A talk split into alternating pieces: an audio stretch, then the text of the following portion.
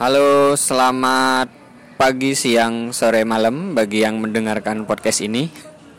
Kita nggak tahu kalian mau dengerin jam berapa, tapi pas kami rekaman di sini sekitar jam 4 sore.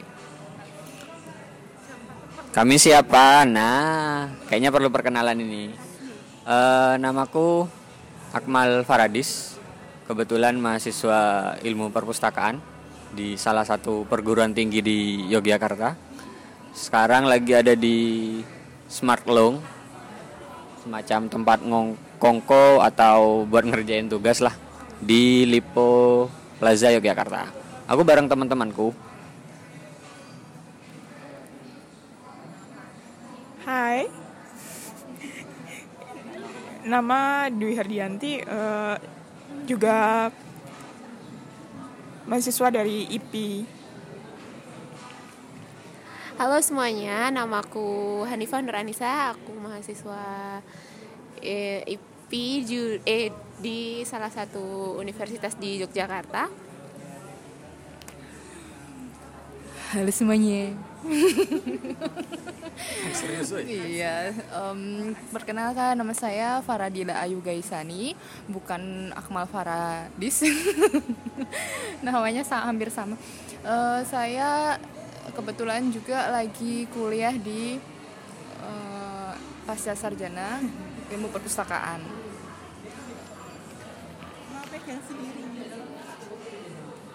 Halo guys, welcome back to my channel. Enggak deng, channel kita. Eh, nama saya perkenalkan nama saya Irzalina Rahmawati, tapi saya punya nama panggung. Iya deh, namanya panggil aja Cici.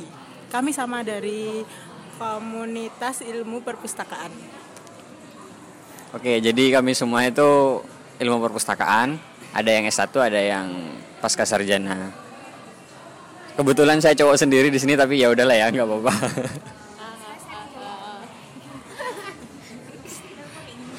Eh, kayaknya ada yang menarik buat diomongin, terutama kejadian beberapa hari ini. Tadi sempat sih teman-teman buka Instagram gitu, menyoroti tentang ini razia buku. Kalau teman-teman belum tahu, kayaknya perlu baca deh. Jadi beberapa hari yang lalu itu di daerah Padang ada satu toko buku yang dirazia oleh TNI. Dalihnya buku tersebut ada beberapa judul buku. Eh ju- judul bukunya apa aja sih? Judul bukunya itu ada tiga yang diambil, yaitu Jas Merah, terus Kronik 65, dan Mengincar Bunga Besar. Ya, kira-kira itu tiga judul bukunya. Jujur, aku pribadi sih emang belum baca karena akses ya mungkin. Aku juga belum tahu buku itu. Ah, tapi kenapa dari pihak TNI Jaksa mau mengambil apa merazia itu disinyalir isinya adalah tentang komunisme, buku-buku kiri seperti itu. Nah, cuman yang kita soroti sini banyak hal sebenarnya dan yang terutama Kira-kira ini ada motif politis tidak ya? Kenapa berdekatan dengan Pilpres 2009? Kenapa dan juga kenapa buku-buku kiri ini perlu dirazia seperti itu? Ah, Sebenarnya ada apa masalahnya? Nah, kayaknya teman-teman nih dari tadi punya apa banyak unek-unek yang perlu disampaikan mengenai itu. Menurut kalian gimana? Kalau menurut saya sebenarnya yang yang disoroti di sini eh, lebih kepada prosedur dalam penyitaan. Yang pertama itu karena eh, menurut menurut menurut berita eh, gini gini pertama kita dari kita belum belum ini ya belum belum banyak tahu bukunya karena dari berita diungkapkan bahwa buku itu memuat unsur komunis. Nah, sedangkan kita juga perlu mengkaji buku tersebut sebelum kita men, em, em, memberi judgement tentang isi dari buku itu. Nah, di sini kembali lagi ke prosedurnya sih sebenarnya. Kalau eh kalau memang buku itu tentang tentang isinya tentang komunis, yang yang yang harusnya kita pertanyakan apakah buku itu sudah dikaji dan sudah melalui melalui peradilan untuk eh, dirazia gitu kan kayak gitu terus sejauh perkembangan ini juga belum belum ada ya belum ada perkembangan Kayaknya belum ada. Kayaknya sih belum ada. Eh, atau teman-teman yang penasaran bisa cari beritanya karena ini podcast dibuat tanggal 12 Januari. Sementara berita itu tayang sekitar tiga harian lalu ya, 9 Januari. Kemungkinan ke depan bakal ada perkembangan lagi. Cuman seperti yang Farah bilang tadi, yang perlu disoroti sebenarnya masalah prosedural itu. Kenapa bisa muncul kebijakan untuk merazia? Kira-kira udah bener nggak nih seperti itu?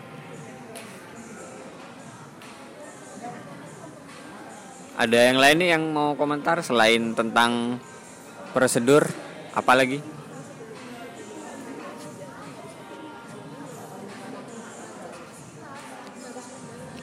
Aku aku pribadi juga agak aneh ngelihatnya kenapa kayak kembali ke masa-masa orba gitu rezim pemerintah kayak jadi represif. Kenapa buru, buku kiri harus dibatasi? Buku bermuatan komunis harus dibatasi. Padahal kan kita juga juga perlu tahu sejarah komunisme dulu seperti apa, terus apa sebenarnya yang dimaksud komunisme. Aku pernah dapat quote ini sih pas apa scrolling Instagram semalam. Kita itu nggak tentu jadi komunis dengan baca buku komunisme. Sama halnya ketika kita nggak otomatis jadi kambing setelah makan sate kelata Eh, kalau menurutku karena eh, kebanyakan buku-buku yang dirazia itu adalah buku-buku yang berunsur sejarah. Oh, udah lebih dekat ya. Sorry, suaranya hilang. Tut. Jadi seharusnya ini eh, sebelum merahasia buku-buku ini, para aparat itu seharusnya lebih melihat isinya tuh seperti apa. Jadi kan eh, banyak buku yang berunsur sejarah. Seharusnya ini bisa berpedoman buat masyarakat bagaimana sejarah zaman dulu. Malah sekarang eh, seperti dibatasi seperti itu. Terus juga berhubungan dengan sejarah tadi. Kalau misalnya sejarah itu dibatasi, kalau kalau eh, dalam artian buku itu mengandung ini, mengandung itu dan dan eh, cenderung dibatasi, nanti akan berpengaruh ke masa depan gimana gimana mengakses sejarah itu. Dan kebenaran sejarah itu akan akan gimana ya kebenarannya itu eh, apa ya istilahnya ya ada distorsi gitu. Dan eh sebenarnya kalau ada ada yang bilang juga kalau akses menurut menurut kami kalau masalah akses itu ada juga yang bilang buku kiri ini tidak seharusnya disita secara penuh tapi tetap disediakan hanya saja dibatasi aksesnya atau mungkin ya tidak menutup akses gitulah istilahnya. Tapi juga ada yang berpedoman bahwa persebaran itu harus tetap ya secara totalitas nggak usah ada yang nggak usah ada pembatasan dan sebagainya. Karena rakyat kita juga butuh apa ya kebenaran ya, ada info- informasi dan kebenaran yang pasti seperti itu kalau menurut saya. Coba yang boleh ngomong boleh ngomong. Nah. Jadi jadi eh, jadi kan habis tadi scrolling scrolling berita beritanya habis itu ada iya buku ini tuh tentang sejarah ya se- lebih kebanyakan tentang sejarah tentang bukan G30 SPKI juga. Dan tadi ada yang bilang ini buku tuh disita semuanya. Tap dan kata jaksa agung itu buku tersebut akan diteliti oleh mereka. Tapi kan harusnya jangan disita semuanya dong. Harusnya ya seenggaknya jangan kayak peng, berasa kayak penggerbekan nggak sih? Kalau Iya. Sewenang-wenang. Nah, heeh, nggak jangan seenaknya asal ambil semua buku aja yang yang oh ini tuh bukunya tentang komunisme, tentang marxisme or something like ya like that lah. Like Terus that. Ya, Nah- karena karena ini kita juga eh, menyoroti tentang itu tadi yang saya katakan di awal prosedur. Sebenarnya prosedurnya itu kalau memang harus disita, apakah sudah dikaji secara, secara benar atau belum gitu loh. Dan kira-kira kalau udah disita itu dibeli nggak sih? Kan kasihan penerbitnya. Nah, iya bener banget itu kasihan Kasihan penerbitnya, penerbitnya, cuy. sama penulisnya dong. Gimana kalian tuh mikir nggak sih? Si Om, Om, Om, Om.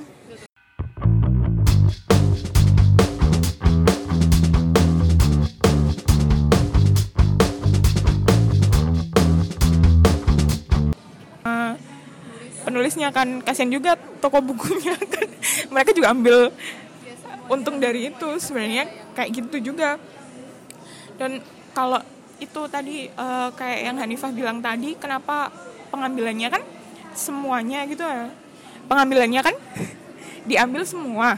Terus eh, harusnya kan kalau mereka memang mau mengambil dari em, untuk pengka- pengkajian ya minimal kan ya kalau pengajian berarti mereka nggak nganu belum memiliki apa ya kayak eh, privilege buat mengambil buat apa menyita semuanya. Mereka kalau pengajian ya ambil satu dulu dikaji baru kemudian kalau memang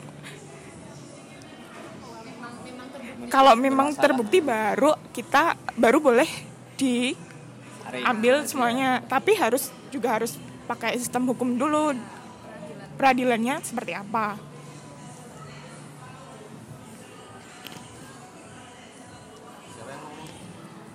Eh, dan kalau menurut saya, kalau misalnya ini permasalahan sudah pelik dan membuat resah eh, warga masyarakat di sekitarnya, seharusnya permasalahan ini tuh harus segera ditangani secara secara eh, cepat lah pokoknya.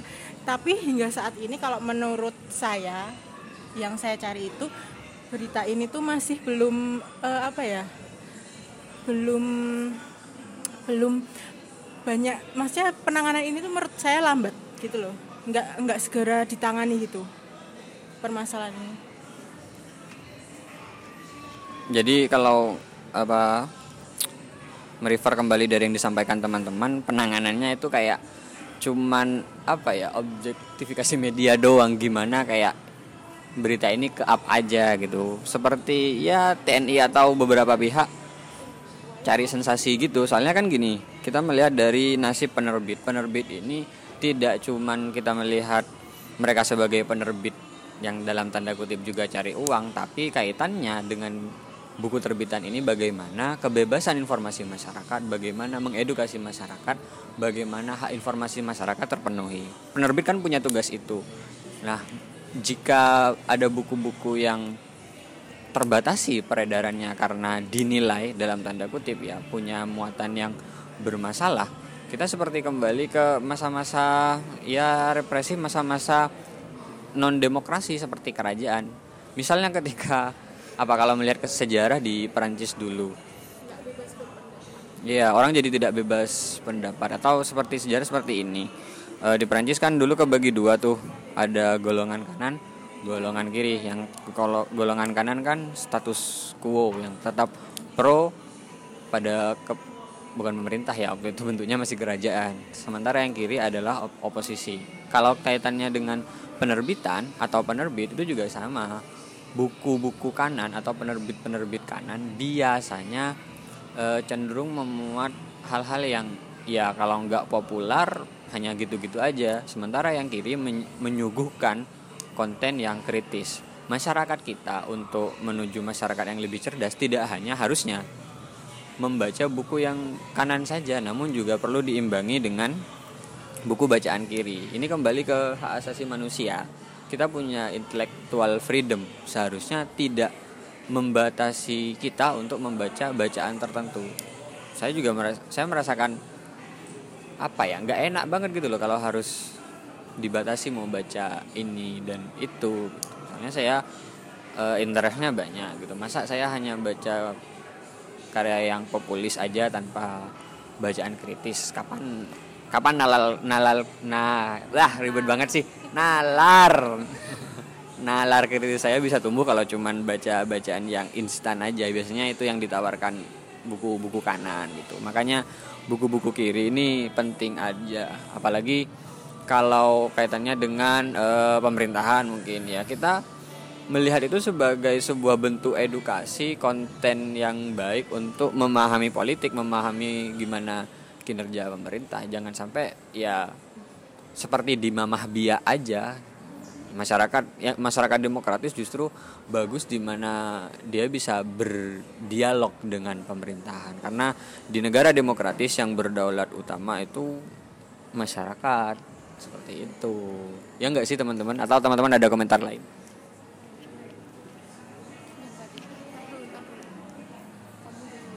Iya benar uh, setuju juga uh, apa yang dikatakan Akmal.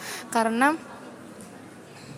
uh, gini kalau masyarakat untuk membaca buku itu tidak tidak tidak harus dan harusnya memang nggak nggak nggak boleh menelan mentah-mentah apa isi bukunya karena kita perlu mengkaji apa apa yang yang unsur-unsur apa yang ada di buku itu dan uh, edukasinya itu bagaimana seperti itu. Uh, kemudian kalau boleh melihat uh, fenomena ini seperti uh, seperti kembali ke masa-masa itu tadi masa-masa orde baru ya. Seperti yang dikatakan sebelumnya tadi.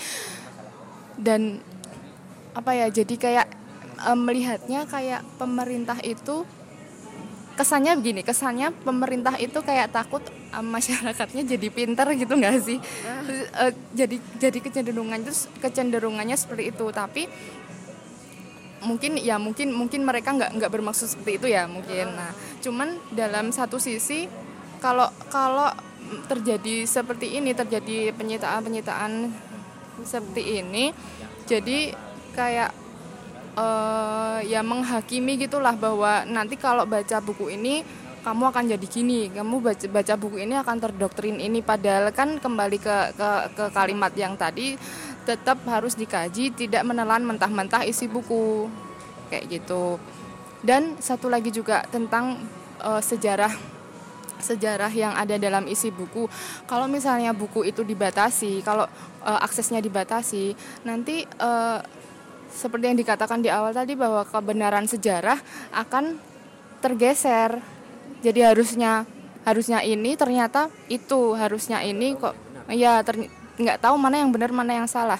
Dan seperti yang dikatakan Prof. Sulis di kuliahnya yang se Prof. Sulis dosen profes uh, ya guru besar ilmu perpustakaan. Profesor Sulistyo Basuki. Uh, mengenai mengenai apa namanya buku itu di luar negeri uh, tidak perlu saya sebutkan sih di mana negaranya bahwa mereka juga uh, menyimpan apa namanya buku-buku sejarah itu untuk melihat kebenaran sejarah yang yang sesuai yang yang ada gitu. Misalnya kemiliteran atau kemiliteran di negara tersebut itu sebenarnya itu seperti apa?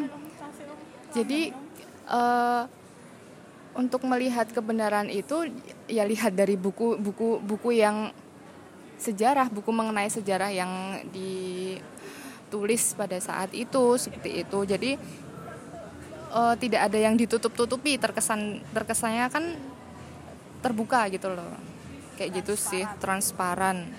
Okay. Uh, pada akhirnya kalau aku sih lebih sedih ke nasib penerbit itu sendiri terus nanti bagaimana dengan masyarakat masyarakat ya jangan dibatasi lah informasinya agar hmm, ya lebih teredukasi mengenai komunisme. Misal kita terlalu takut terhadap komunisme tapi nggak pernah ber, apa baca tentang komunisme kan lucu juga. Kita langsung menjat sesuatu tanpa tahu sesuatu hal tersebut kan konyol juga. Nah begitu teman-teman. Nah kira uh, kayaknya kita mau ngasih apa pernyataan sikap kita sih. Yang pertama kalau aku pribadi se mengenai apa ya fenomena ini kalau aku aku nggak setuju dengan apa yang terjadi kalau uh, sebatas yang itu ya sebatas yang kita baca di berita. Tapi akses terhadap informasi itu yang penting untuk disorot. Kita punya kebebasan untuk membaca informasi apa pun maka jangan dibatasi. Dan kedua catatannya adalah ja apa ya teman-teman siapa pun yang mau membaca itu bukan membaca buku yang tadi maksudnya tapi membaca apa pun harus punya filter terhadap bacaan. Jangan menelan mentah-mentah bacaan tersebut. Beri ruang jarak agar tidak ada tidak tumbuh subjektivitas antara apa yang kamu baca dan kamu. Jadi ketika membaca buku A e, kamu nilai kamu kemukakan pendapat kamu. Kamu kritisi ini isinya apa. Kamu boleh tidak setuju tidak harus mengambil mentah-mentah dari situ. Ya semoga kalau aku sih harapannya nanti masalah ini bisa lebih clear ya prosud apa kalau memang harus ada razia kajiannya memang benar-benar matang e, dan apa ya istilahnya mengikut sertakan ahlinya misal pakar sejarah atau dari pustakawan lama gitu agar e, kebijakan yang dibuat itu tidak terkesan berat sebelah. Terus dilaksanakan dengan prosedural serta ada hmm, dampak yang baik juga buat penerbit. Jangan ujuk-ujuk ujuk-ujuk itu bahasa Jawa ya. Jangan tiba-tiba diambil bukunya aja tanpa ada feedback buat mereka. Kan rugi juga karena mereka kan ada untuk jualan gitu sih. Kalau menurut kalian gimana? Kalau menurutku sih sama uh, sikapnya sikapku ya terhadap ma masalah ini tuh sama kayak yang Akmal tadi bilang. Uh, kayaknya ini tuh kayak semacam apa ya? Uh, kita tuh kayak uh, nggak bebas gitu loh untuk nganu apa untuk mencari informasi yang seharusnya memang harusnya kita harus belajar gitu loh dari uh, apa yang apa yang disita gitu. Sebenarnya kita harusnya belajar dari situ. Um, untuk dan menurutku itu juga termasuk uh, gimana ya untuk kebebasan ber apa berpendapat atau bisa mencari informasi kita juga ter apa? Ter apa terganggu. Bukan terganggu ya kayaknya uh, kita kayak anu terbatas gitu loh untuk karena uh, adanya aksi yang baru yang dilakukan itu. Jadi ya untuk fenomena ini saya enggak nggak setuju. Uh, dan saya mau menambah sedikit uh, kita bukan bukan bermaksud pemberontak ya? Pemberontak nggak? nanti jangan dikira kita oh kamu komunis oh nih ya, komunis nih. kamu terus sayap ini ya komunis Bukan, ya. bukan gini. kamu cucu ulang komunis ya bla bla bla bla. Ya gini maksudnya kami uh, menggarisbawahi bahwa mengen, uh, mengenai fenomena ini kita garis bawahi tentang prosedurnya aja. Prosedur prosedur untuk penyitaan atau razia buku ini. Yang semestinya itu bagaimana yang terjadi itu bagaimana seperti itu sih. Gitu.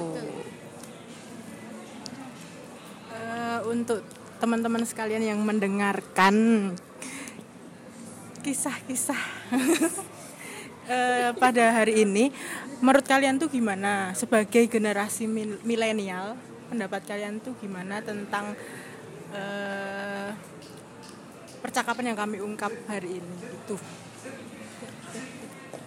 iya udah udah udah udah udah nyetain sikap ya oke makasih yang udah kalau ada yang dengerin pada akhirnya eh, kita cuman mau mengungkapkan kegelisahan kita gitu. Apa? Merespon tentang fenomena ini dari sudut pandang mahasiswa ilmu perpustakaan. Kita banyak beberapa yang kita highlight itu tentu masalah prosedural dan intellectual freedom. Prosedurnya harus benar dulu ada eh, pengambilannya baik terus outputnya juga baik dan eh, jangan batasi akses informasi masyarakat. Jangan batasi akses informasi masyarakat agar kita lebih teredukasi.